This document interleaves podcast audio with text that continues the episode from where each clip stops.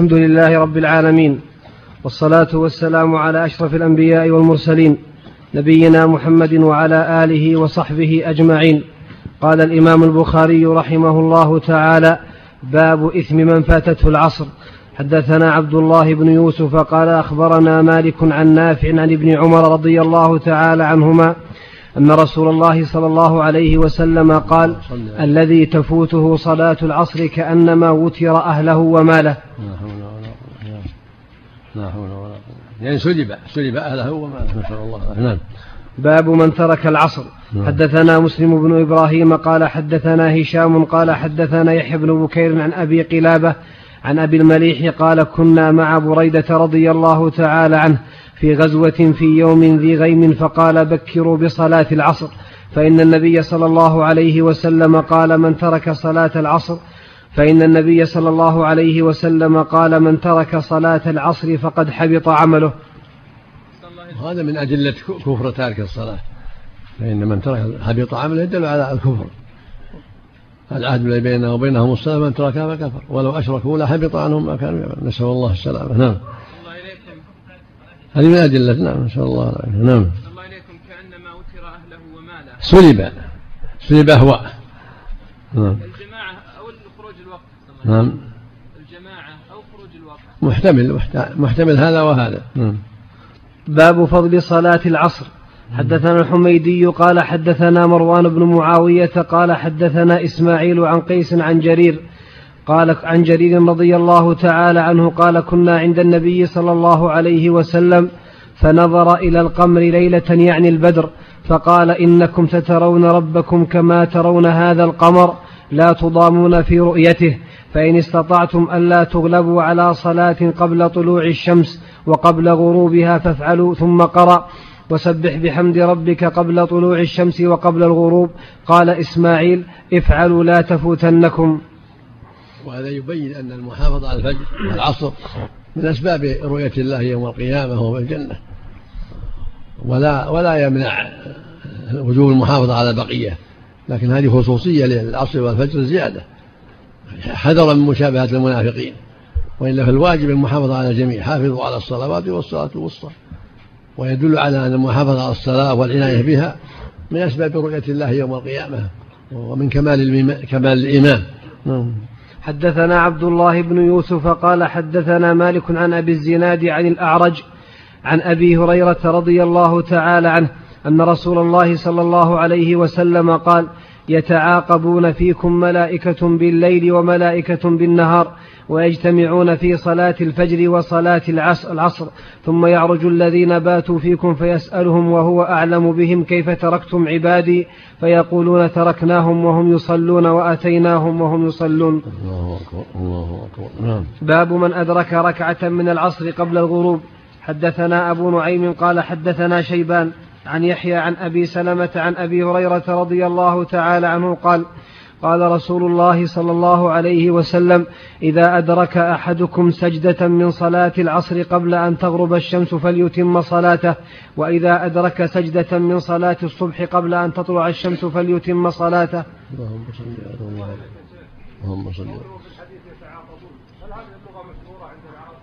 لغة معروفة نعم. نعم.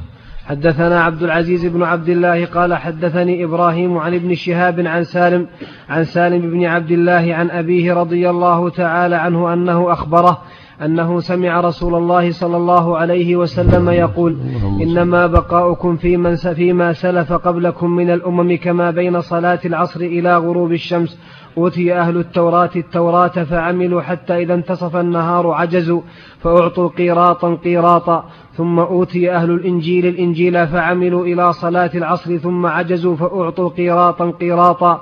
ثم أوتينا القرآن فعملنا إلى غروب الشمس فأعطينا قيراطين قيراطين فقال أهل الكتابين أي ربنا أعطيت هؤلاء قيراطين قيراطين وأعطيتنا قيراطا قيراطا ونحن كنا أكثر عملا. قال قال الله عز وجل هل ظلمتكم من أجلكم من شيء؟ قالوا لا. قال فهو فضلي أوتيه من أشاء. حدثنا أبو كريب قال يدل على فضل هذه أن الله ضاعف لها الأجور. وأن عملها أقل وأن الباقي من الدنيا هو القليل. بمثابة العصر من النهار. لم يبق لم يبق منها إلا القليل وقد مضى من هذا العصر الشيء الكثير. والله جل وعلا أمر العباد بتقواه وطاعته والاستقامة على دينه. فينبغي لهذه الأمة أن تشكر نعمة الله عليها وأن تكثر من طاعة الله وأن تبادر إلى ما يرضي الله الذي أنعم عليها وجعلها خير أمة. كنتم خير أمة أخرجت للناس وقد جعلها خير أمة وجعل عملها أقل من عمل من قبلها وأجرها أكثر. الله أكبر.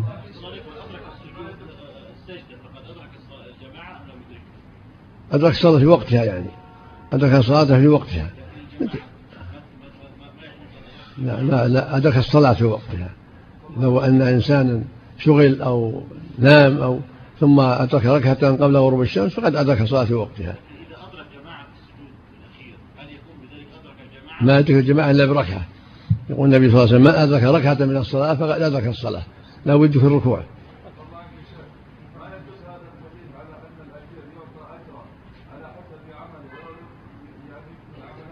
نعم جمع. حدثنا أبو كريب قال حدثنا أبو أسامة عن بريد عن أبي بردة عن أبي موسى رضي الله تعالى عنه عن النبي صلى الله عليه وسلم قال مثل المسلمين واليهود والنصارى كمثل رجل استأجر قوما يعملون له عملا إلى الليل فعملوا إلى نصف النهار فقالوا لا حاجة لنا إلى أجرك فاستأجر, فاستأجر آخرين فقال أكملوا بقية يومكم ولكم الذي شرطت. فعملوا حتى إذا كان حين صلاة العصر قالوا لك ما عملنا فاستأجر قوما فعملوا بقية يومهم حتى غابت الشمس واستكملوا أجر الفريقين. وهذا مثال للذين كفروا من اليهود والنصارى. لم يكملوا لما بعث محمد صلى الله عليه وسلم لم يكملوا فبطلت أعمالهم. والأولون مثال الذين عملوا ولكن الله ضعف أجور هذه الأمة عليهم. فالمقصود أن المؤمن إذا عمل من في هذه الأمة فله أجر مضاعف. والكافر من اليهود والنصارى لما بعث محمد ولم يقبل صار عمله حابطا وأعماله السابقة باطلة نسأل الله العافية. هكذا كل مرتد تبطل أعمالهم نسأل الله العافية. ولو أشركوا لحبط عنهم ما كانوا يعملون نسأل الله العافية. نعم.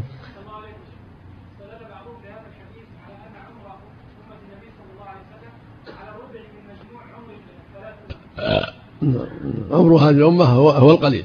نعم. باب وقت المغرب. وقال عطاء يجمع المغرب بركة صلى الله عليه وسلم